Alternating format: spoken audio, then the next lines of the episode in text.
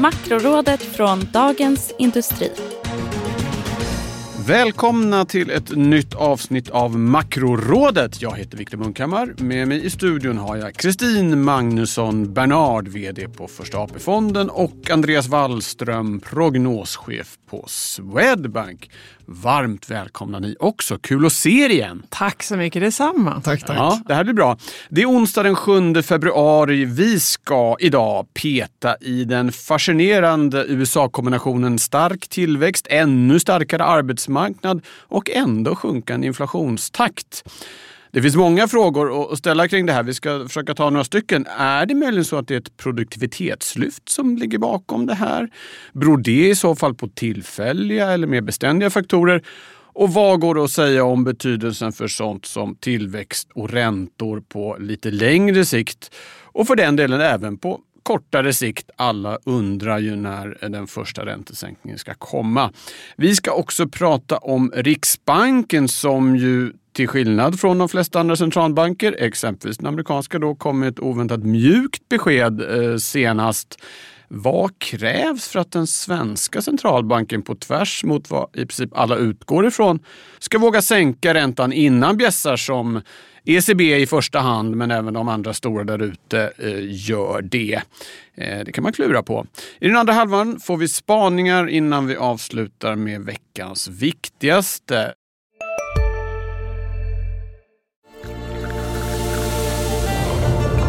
Välkommen till Maccafé på utvalda McDonalds restauranger med Baristakaffe till rimligt pris. Vad sägs om en latte eller cappuccino för bara 35 kronor? Alltid gjorda av våra utbildade baristor.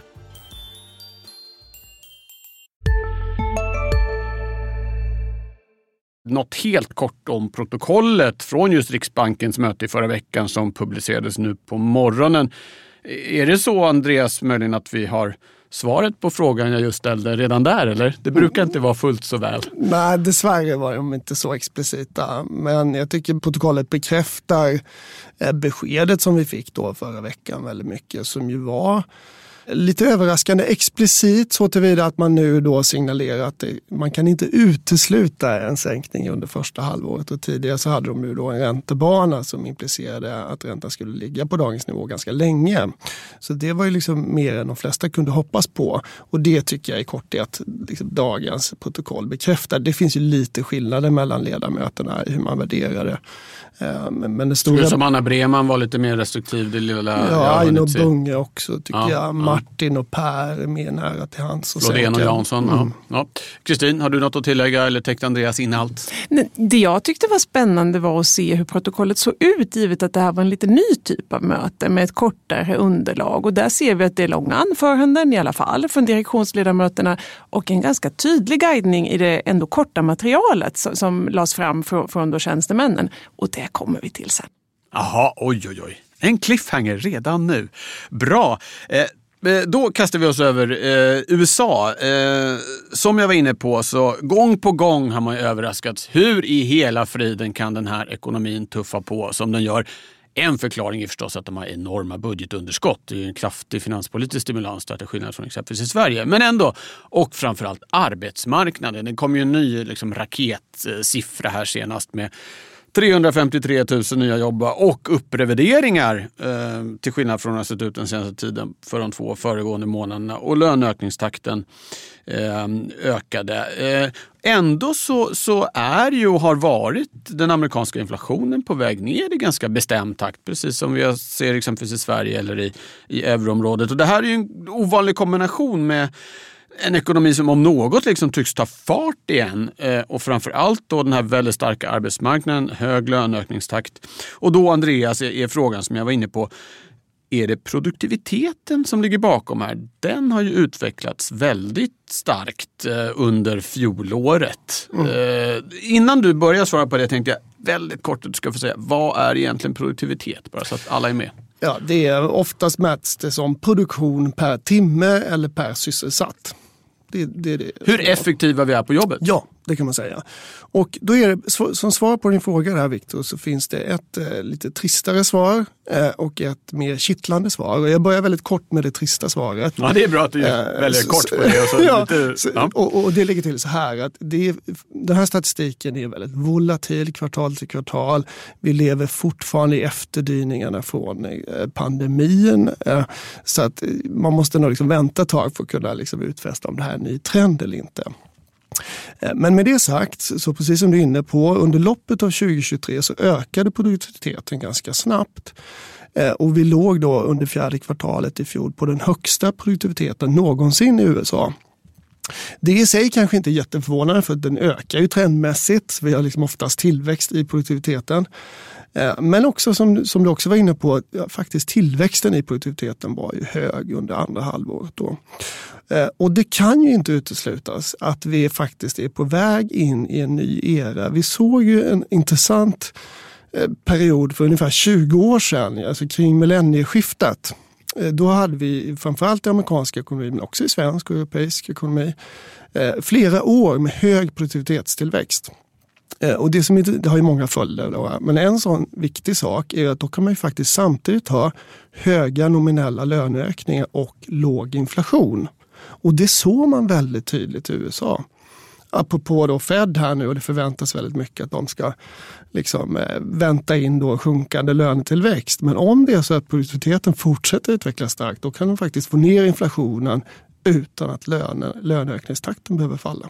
Ja, okej. Okay. Ja. Så att, eh, kan vara intressant, det, behöver inte nej, vara men Det är kittlande så. Säg att vi går in i en ny era med hög produktivitetstillväxt och det, det kanske är den här AI-revolutionen som vi ser början på. Än så länge så tycker jag i företagen, man ser inte mycket bevis på det konkret sådär. Men det, det, det liksom, pandemin kan ju också fungera som en katalysator med den här produktivitetstillväxten. Att vi, vi vet nu att vi gör mycket mer digitala tjänster än vad vi gjorde förut och det i sig är ju produktivitetshöjande. Så att, Ja, kanske. Och, och bara att vi inte kan utesluta det är ju väldigt spännande. Kristin? Ja, det får fortsätta här på Andreas spår. Jag kommer också titta lite på amerikanskt 90-tal faktiskt som parallell. En sak som det inte har pratats så mycket om är att USA är inne i en 5-10 årsperiod av ovanligt gynnsam demografisk utveckling. Och det här handlar ju, även om man har långa trender på befolkningstillväxt och sådana saker, så finns det just nu lite ovanligt många som råkar vara i precis rätt ålder. Och det här blir ju alltså det vi på ekonomspråk kallar en positiv utbudschock. Precis tvärtom det vi såg under pandemin med fraktkedjor och annat som störs. Då. Och det gör att det är fler som kommer ut på arbetsmarknaden, de är produktiva och de köper dessutom saker och ting för de ska bilda hushåll och annat. Så det gör att man hamnar i en sån här liten miniperiod på 5 till 10 år som är väldigt gynnsam. Det andra som vi inte har pratat så mycket om är räntekänsligheten i amerikansk ekonomi. Den går totalt på tvärs mot alla andra utvecklade länder. Det är inte bara så att hushållen refinansierade sina bolån på rekordlåga nivåer under pandemin. Företagssektorn har alltså en lägre, mindre ränta räntebörda nu med de nuvarande räntorna än de hade tidigare. Just för att de också har refinansierat och alltså biter helt enkelt inte räntor lika mycket som de gjorde tidigare. Och drar man ut linjerna här då så, så betyder det ju sannolikt att det finns inte anledning att kanske sänka räntan lika mycket. Tittar vi på 90-talet igen kanske det handlar om tre räntesänkningar på 25 punkter var. Det är betydligt mindre än vad som ligger i marknadens förväntningar. Men, men det är också för, för att den, den underliggande ekonomin är så mycket starkare. Ja, eh, om, ännu längre, om vi nu, dels det här med som Andreas var inne på, det är för, för tidigt att säga. Och AI är ju lockande att tänka, men kan det gå så himla snabbt? Har inte det mest varit investeringen än så länge som liksom inte riktigt har betalat sig? Jag tror inte det är AI, men alltså även en så att säga basdigitalisering, om vi kan kalla oss det, efter att ha bott i USA, så är ju inte amerikanska företag och hushåll lika vana att använda digitala hjälpmedel som till exempel Sverige. Så jag tror att det kan ha varit en skjuts, precis som Andreas var inne på, att bara använda vad vi nog skulle se som ganska grundläggande teknologiska hjälpmedel. Alltifrån hur man gör sina ärenden på banken till eh, hur man har möten och så vidare. Tänk på att det oftast är ganska långa transportsträckor för amerikanerna när de ska till jobbet. Här fanns ju en hel del att snäppa upp och jag tror det är den typen av saker vi ser. Sen om vi kollar då, var öka, öka sysselsättningen så är det sektorer som jag tror har tjänat på de stora finanspolitiska stimulanserna.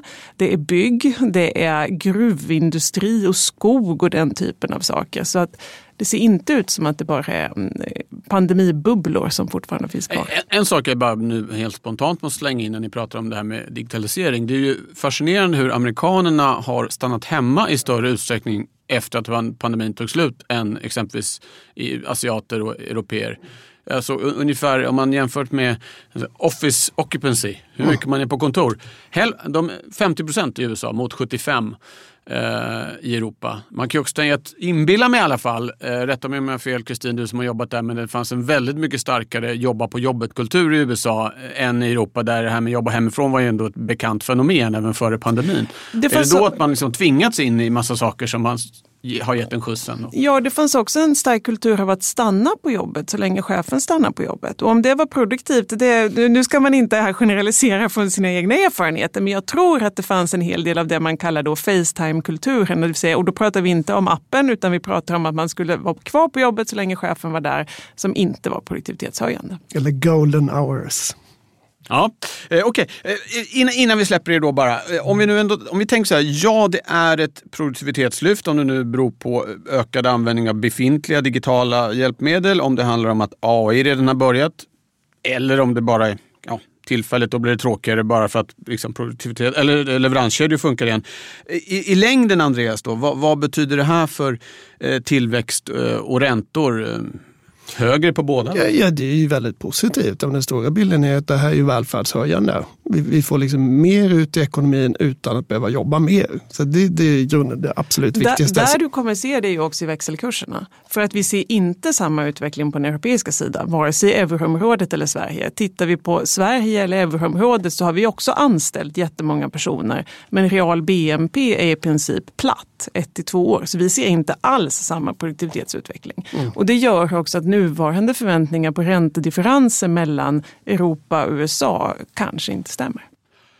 Som så ofta det här är någonting vi får återkomma till, låter det som. Kanske inte minst när vi har lite mer på fötterna vad gäller statistiken. Ja, men jag kan fylla i, apropå räntor där, som vi tänker oss neutrala, vad är långsiktigt normal räntenivå, så kan ju det också ha en påverkan här då, att man tänker sig nog att en R-stjärna, alltså den reala räntan då skulle stiga, för den är ju korrelerad då med tillväxt. Däremot så behöver det inte vara så att nominella räntor stiger särskilt mycket, därför att jag tror också samtidigt i en sån här period, om vi nu går in i en sån, så kommer vi se ett lågt inflationstryck inflationstryck. Nu ska ju Fed parera för det, men man såg ju under millennieskiftet där till exempel att det var svårt att få upp inflationen till ens 2 procent. Ja. Mm. ja, spännande. Många tänkbara implikationer. Hej, Ulf Kristersson här. På många sätt är det en mörk tid vi lever i. Men nu tar vi ett stort steg för att göra Sverige till en tryggare och säkrare plats. Sverige är nu medlem i Nato. En för alla, alla för en.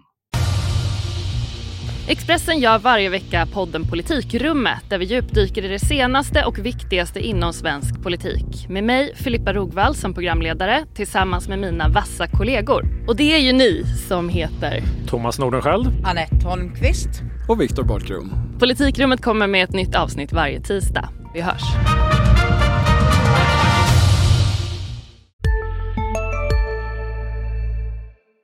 Då den där frågan som vi inte fick eh, svar på riktigt i protokollet då, vilket vi ju anade, det hade väl varit sensationellt. Men eh, en tanke som har gnagt i mig i alla fall. Eh, jag och de flesta andra, ni också tror jag, har ju ändå tänkt att nej, men Riksbanken vill nog vänta tills åtminstone ECB har sänkt, helst Fed också, innan de vågar trycka på knappen och, och sänka räntan. Som jag sa så skiljer Riksbanken ut sig lite mot andra centralbanker som ju många kom med besked här för eh, Eh, tio dagar sedan eller två veckor sedan eller en vecka sedan eh, och var, var klart mjukare.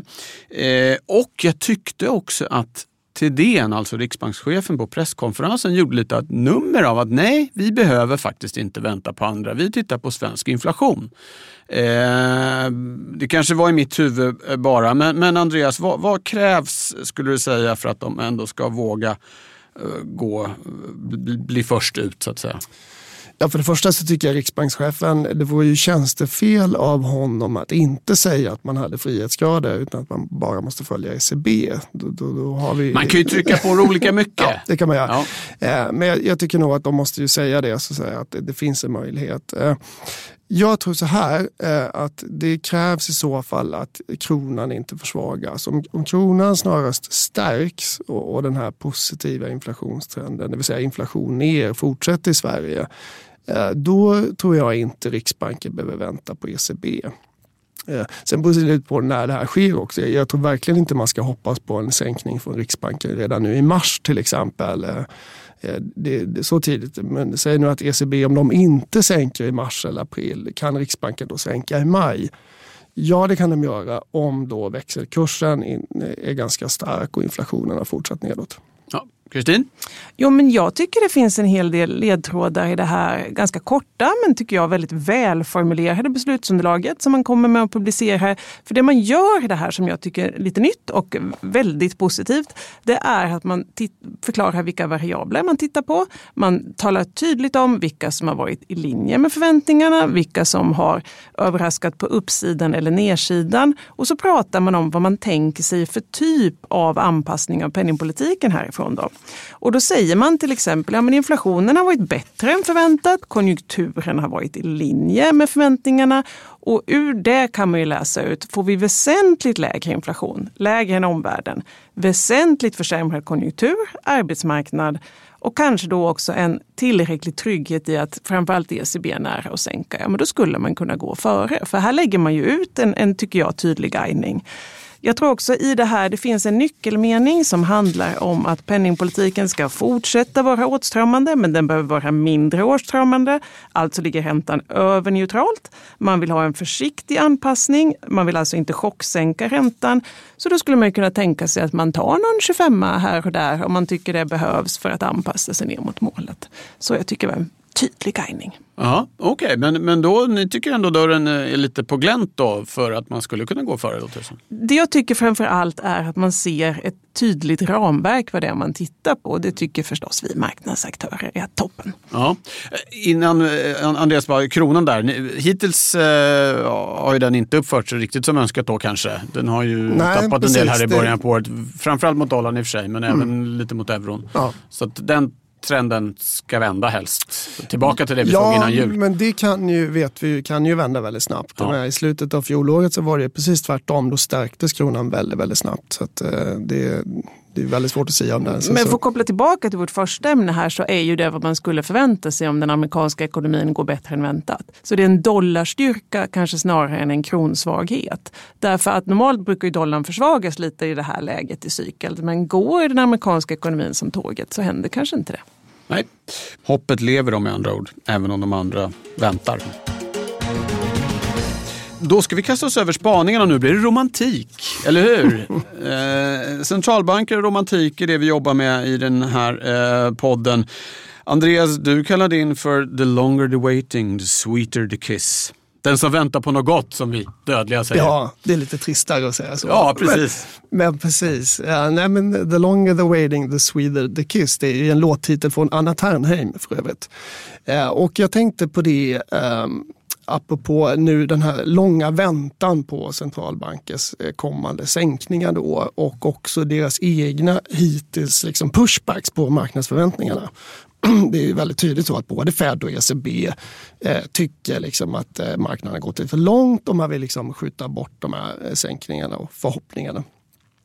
Eh, och jag tror mycket, det som Fed kommunicerade sist, det var ju det här med att Eh, man helt enkelt eh, inte behöver se så mycket nya tecken på att ekonomin utvecklas åt rätt håll penningpolitiskt utan egentligen bara få ytterligare datapunkter på att inflationen är låg och att arbetsmarknaden lugnar ner sig trots allt. Eh, och, det tyckte jag var intressant. Alltså man behöver bara ytterligare bekräftelse på redan rådande trend. så att säga.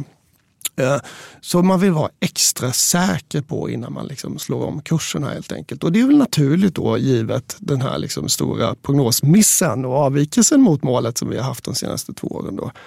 Eh, men då tror jag helt enkelt så, när då den här punkten kommer, om det nu då blir i april, maj eller juni, eh, vem vet, så tror jag då kommer centralbanken att vara då exceptionellt stärkta i sin syn att det här är rätt politik.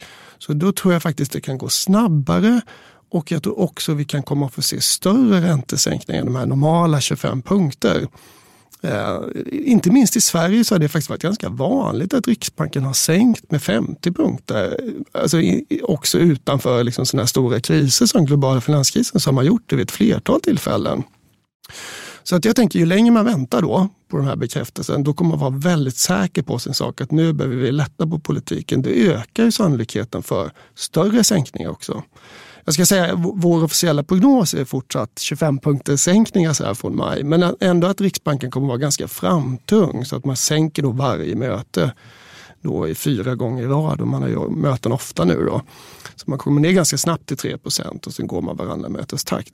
Det är mycket för att vi, vi tyckte det är svårt också att mejsla ut vid vilket möte ska man sänka 50 punkter. Så här. Men jag tror den här, att det kan gå ganska snabbt ner för när de väl börjar sänka eh, en spaning och därav titeln på min spaning. Ja, eh, Kristin, bara, hur rimmar det här med det du just sa om att de själva skriver försiktiga steg. Jag, ju... jag kommer ju ha en lite annan take på det här då. Och om vi ska prata romantiktermer så kommer det här kanske mer vara en lovsång till, till den långsamma, försiktiga kärleken. Men, men jag kanske ska hoppa rakt in i den spaningen. Ja, jag vet inte om du tänkte bara om du har någon synpunkt på Andrea. Annars, ja, men den hoppa. kommer, men jag tror jag behöver ja, bygga ett case då, då, för den. Då, drar jag titeln på din bara. Ja, absolut. Happily ever after har du. Pre precis, så att det jag kommer spana om då är ju vad som händer efter första räntesänkningen, inklusive beroende på varför och hur man sänker.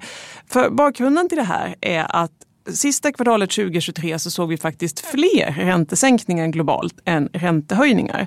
Så ska jag spontant här försöka sätta en låttitel på det här, um, den här spaningen så blir det väl då Love is in the air.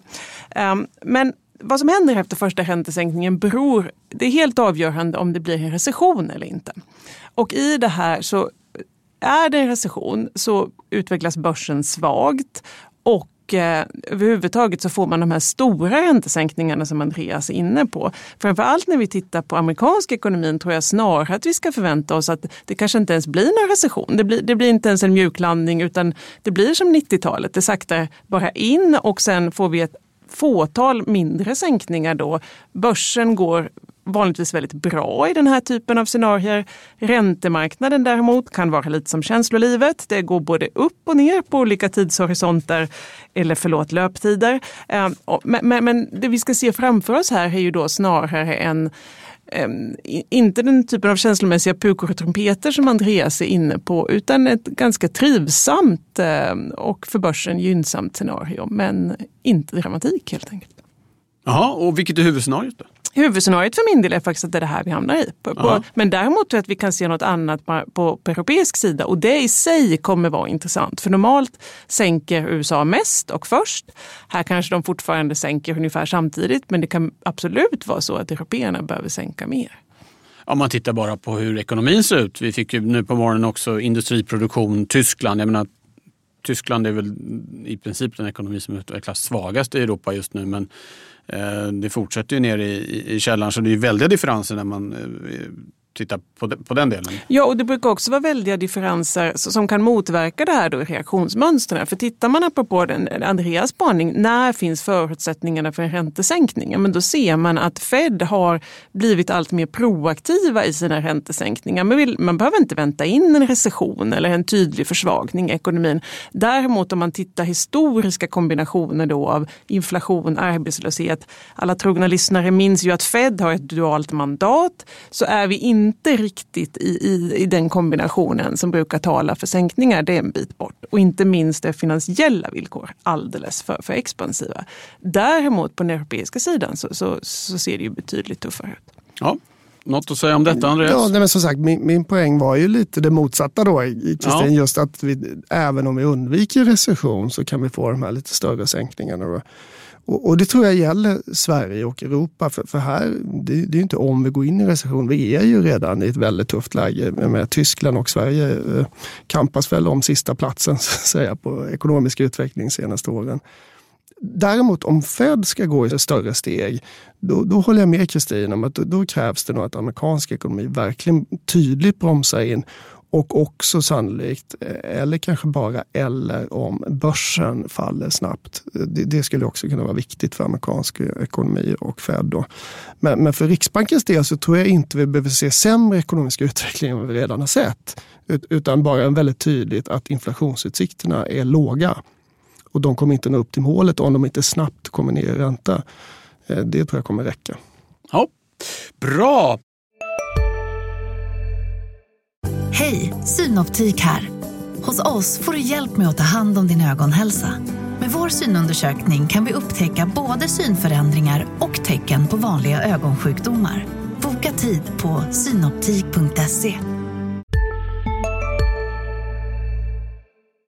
Tack för det. Eh, då ska vi stänga butiken och det är du som får den äran, eh, Kristin. Veckans viktigaste, vad man absolut inte får missa den allra närmaste tiden. Det behöver inte vara prick en vecka, men eh, Tack. Det som kommer här framför oss. Jag kommer bjuda på en liten tvåstegsraket i amerikansk inflation. Först på fredag har vi en nördig liten godbit som handlar om hur man beräknar säsongsvariationer för amerikansk inflation. Ja, det, Och det, här, det här må ni tycka är smalt, men det refereras av amerikanska beslutsfattare, till exempel Jay Powell i sina tal. Och om Jay Powell bryr sig, då bryr sig marknaden. För den som inte visste det, Jay Powell är alltså ordförande för Federal Reserve. Exakt. Och världens största ekonomiska makthavare skulle man kunna säga. Sen dagen före alla hjärtans dag, 13 februari, så kommer då amerikansk KPI och det här avgör väl, om vi nu ska fortsätta på romantiktemat, hur, hur, hur mycket stora känslosvall det blir då den 14. Det här är ett av de två inflationsmåtten. Det finns både KPI och det som är utgifterna som, som PCE då, som Fed normalt tittar på. Men även om det inte är Feds favoritmått så har det gapat isär ganska mycket mot det man normalt tittar på. om det här gapet stängs eller inte, det kommer alla titta på helspänn den 13 februari. Dagen innan alla hjärtans dag. Exakt. Ja, tack ska ni ha. Som ni hör, eh, lyssnare, så eh, love is in the air. Nu ska vi gå off air. Jag tackar dig Andreas, jag tackar dig Kristin och jag tackar eh, alla er som har eh, tagit del av dessa utläggningar om centralbankeri och romantik. Makrorådet är tillbaka igen om två veckor. Ta hand om er så länge. Hej hej! Hej hej! hej. Makrorådet från Dagens Industri. Podden klipps av Umami Produktion. Ansvarig utgivare Peter Fällman.